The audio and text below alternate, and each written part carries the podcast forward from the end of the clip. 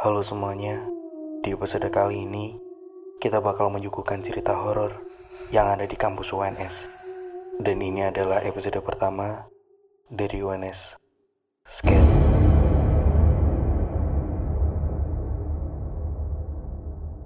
Jadi, di episode pertama kita akan menceritakan sebuah pengalaman salah satu mahasiswa Fakultas Hukum. Kita sebut saja namanya Doni. Pada malam itu, saya dan teman saya harus mengisi berkas untuk melaksanakan lomba yang akan diadakan oleh Fakultas Hukum. Saya ditemani oleh Nina, yang merupakan teman kelompok saya di lomba ini.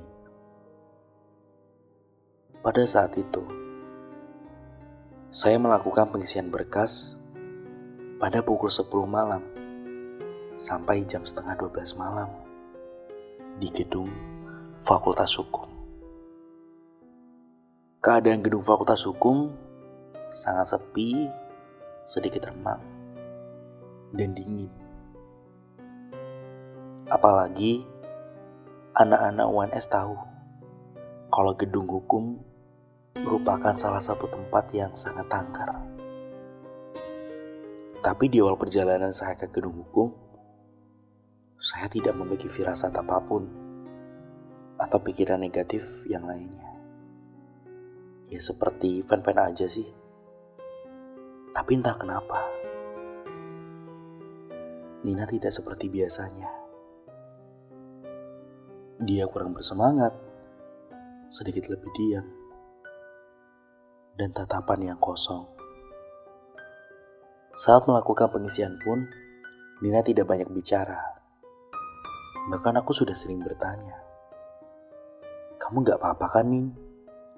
Dia pun selalu menjawab, Gak apa-apa kok, sambil geleng-geleng kepala.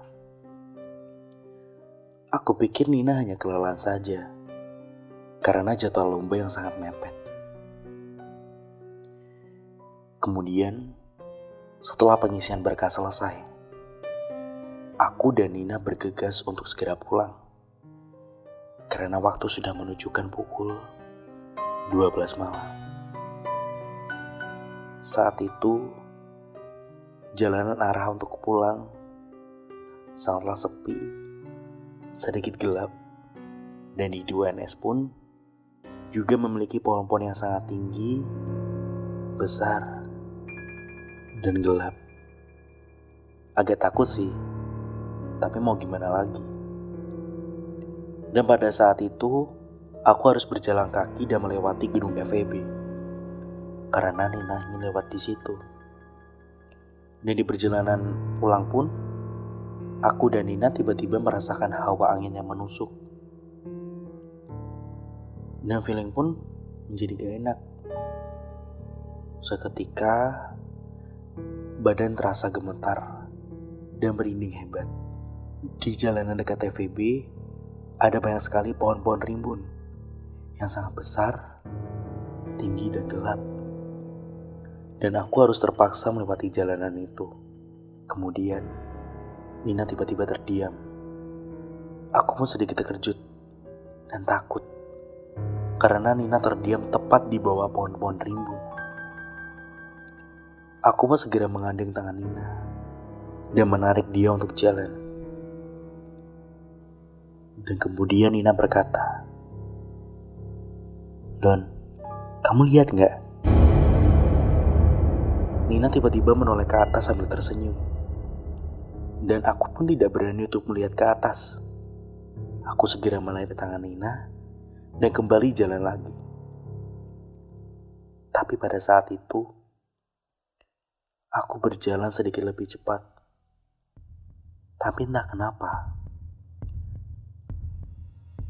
Aku mendengar jejak kaki melangkah di belakangku. Setiap aku berjalan lebih cepat, dan saat aku cek pun, tidak ada seorang pun berjalan di belakangku. Tiba-tiba, aku merasakan sebuah bisikan. Jalan jangan sendirian. Aku sangat ketakutan Dan Nina pun dari tadi tidak mengeluarkan sepatah kata pun. Aku mulai memikirkan sesuatu hal yang negatif. Dan ternyata benar saja. Saat tepat di depan gedung FEB, aku melihat sosok besar berambut panjang, bermuka merah darah, seperti hantu Bali. Yaitu hantu leang. Sosok itu hanya berdiri tegak, diam, dan menatapku dengan tatapan tajam. Aku hanya bisa berdoa dengan doa yang aku hafal. Nina tiba-tiba terdiam lagi. Dan sambil tertawa Nina berkata, Dia mau kamu, Don. Sontak aku langsung berlari, meninggalkan Nina di tempat itu. Saat aku tiba di kosan, aku sangat takut dan aku tidak memikirkan bagaimana Nina di tempat itu sendirian. Aku benar-benar terkejut akan kejadian hal ini.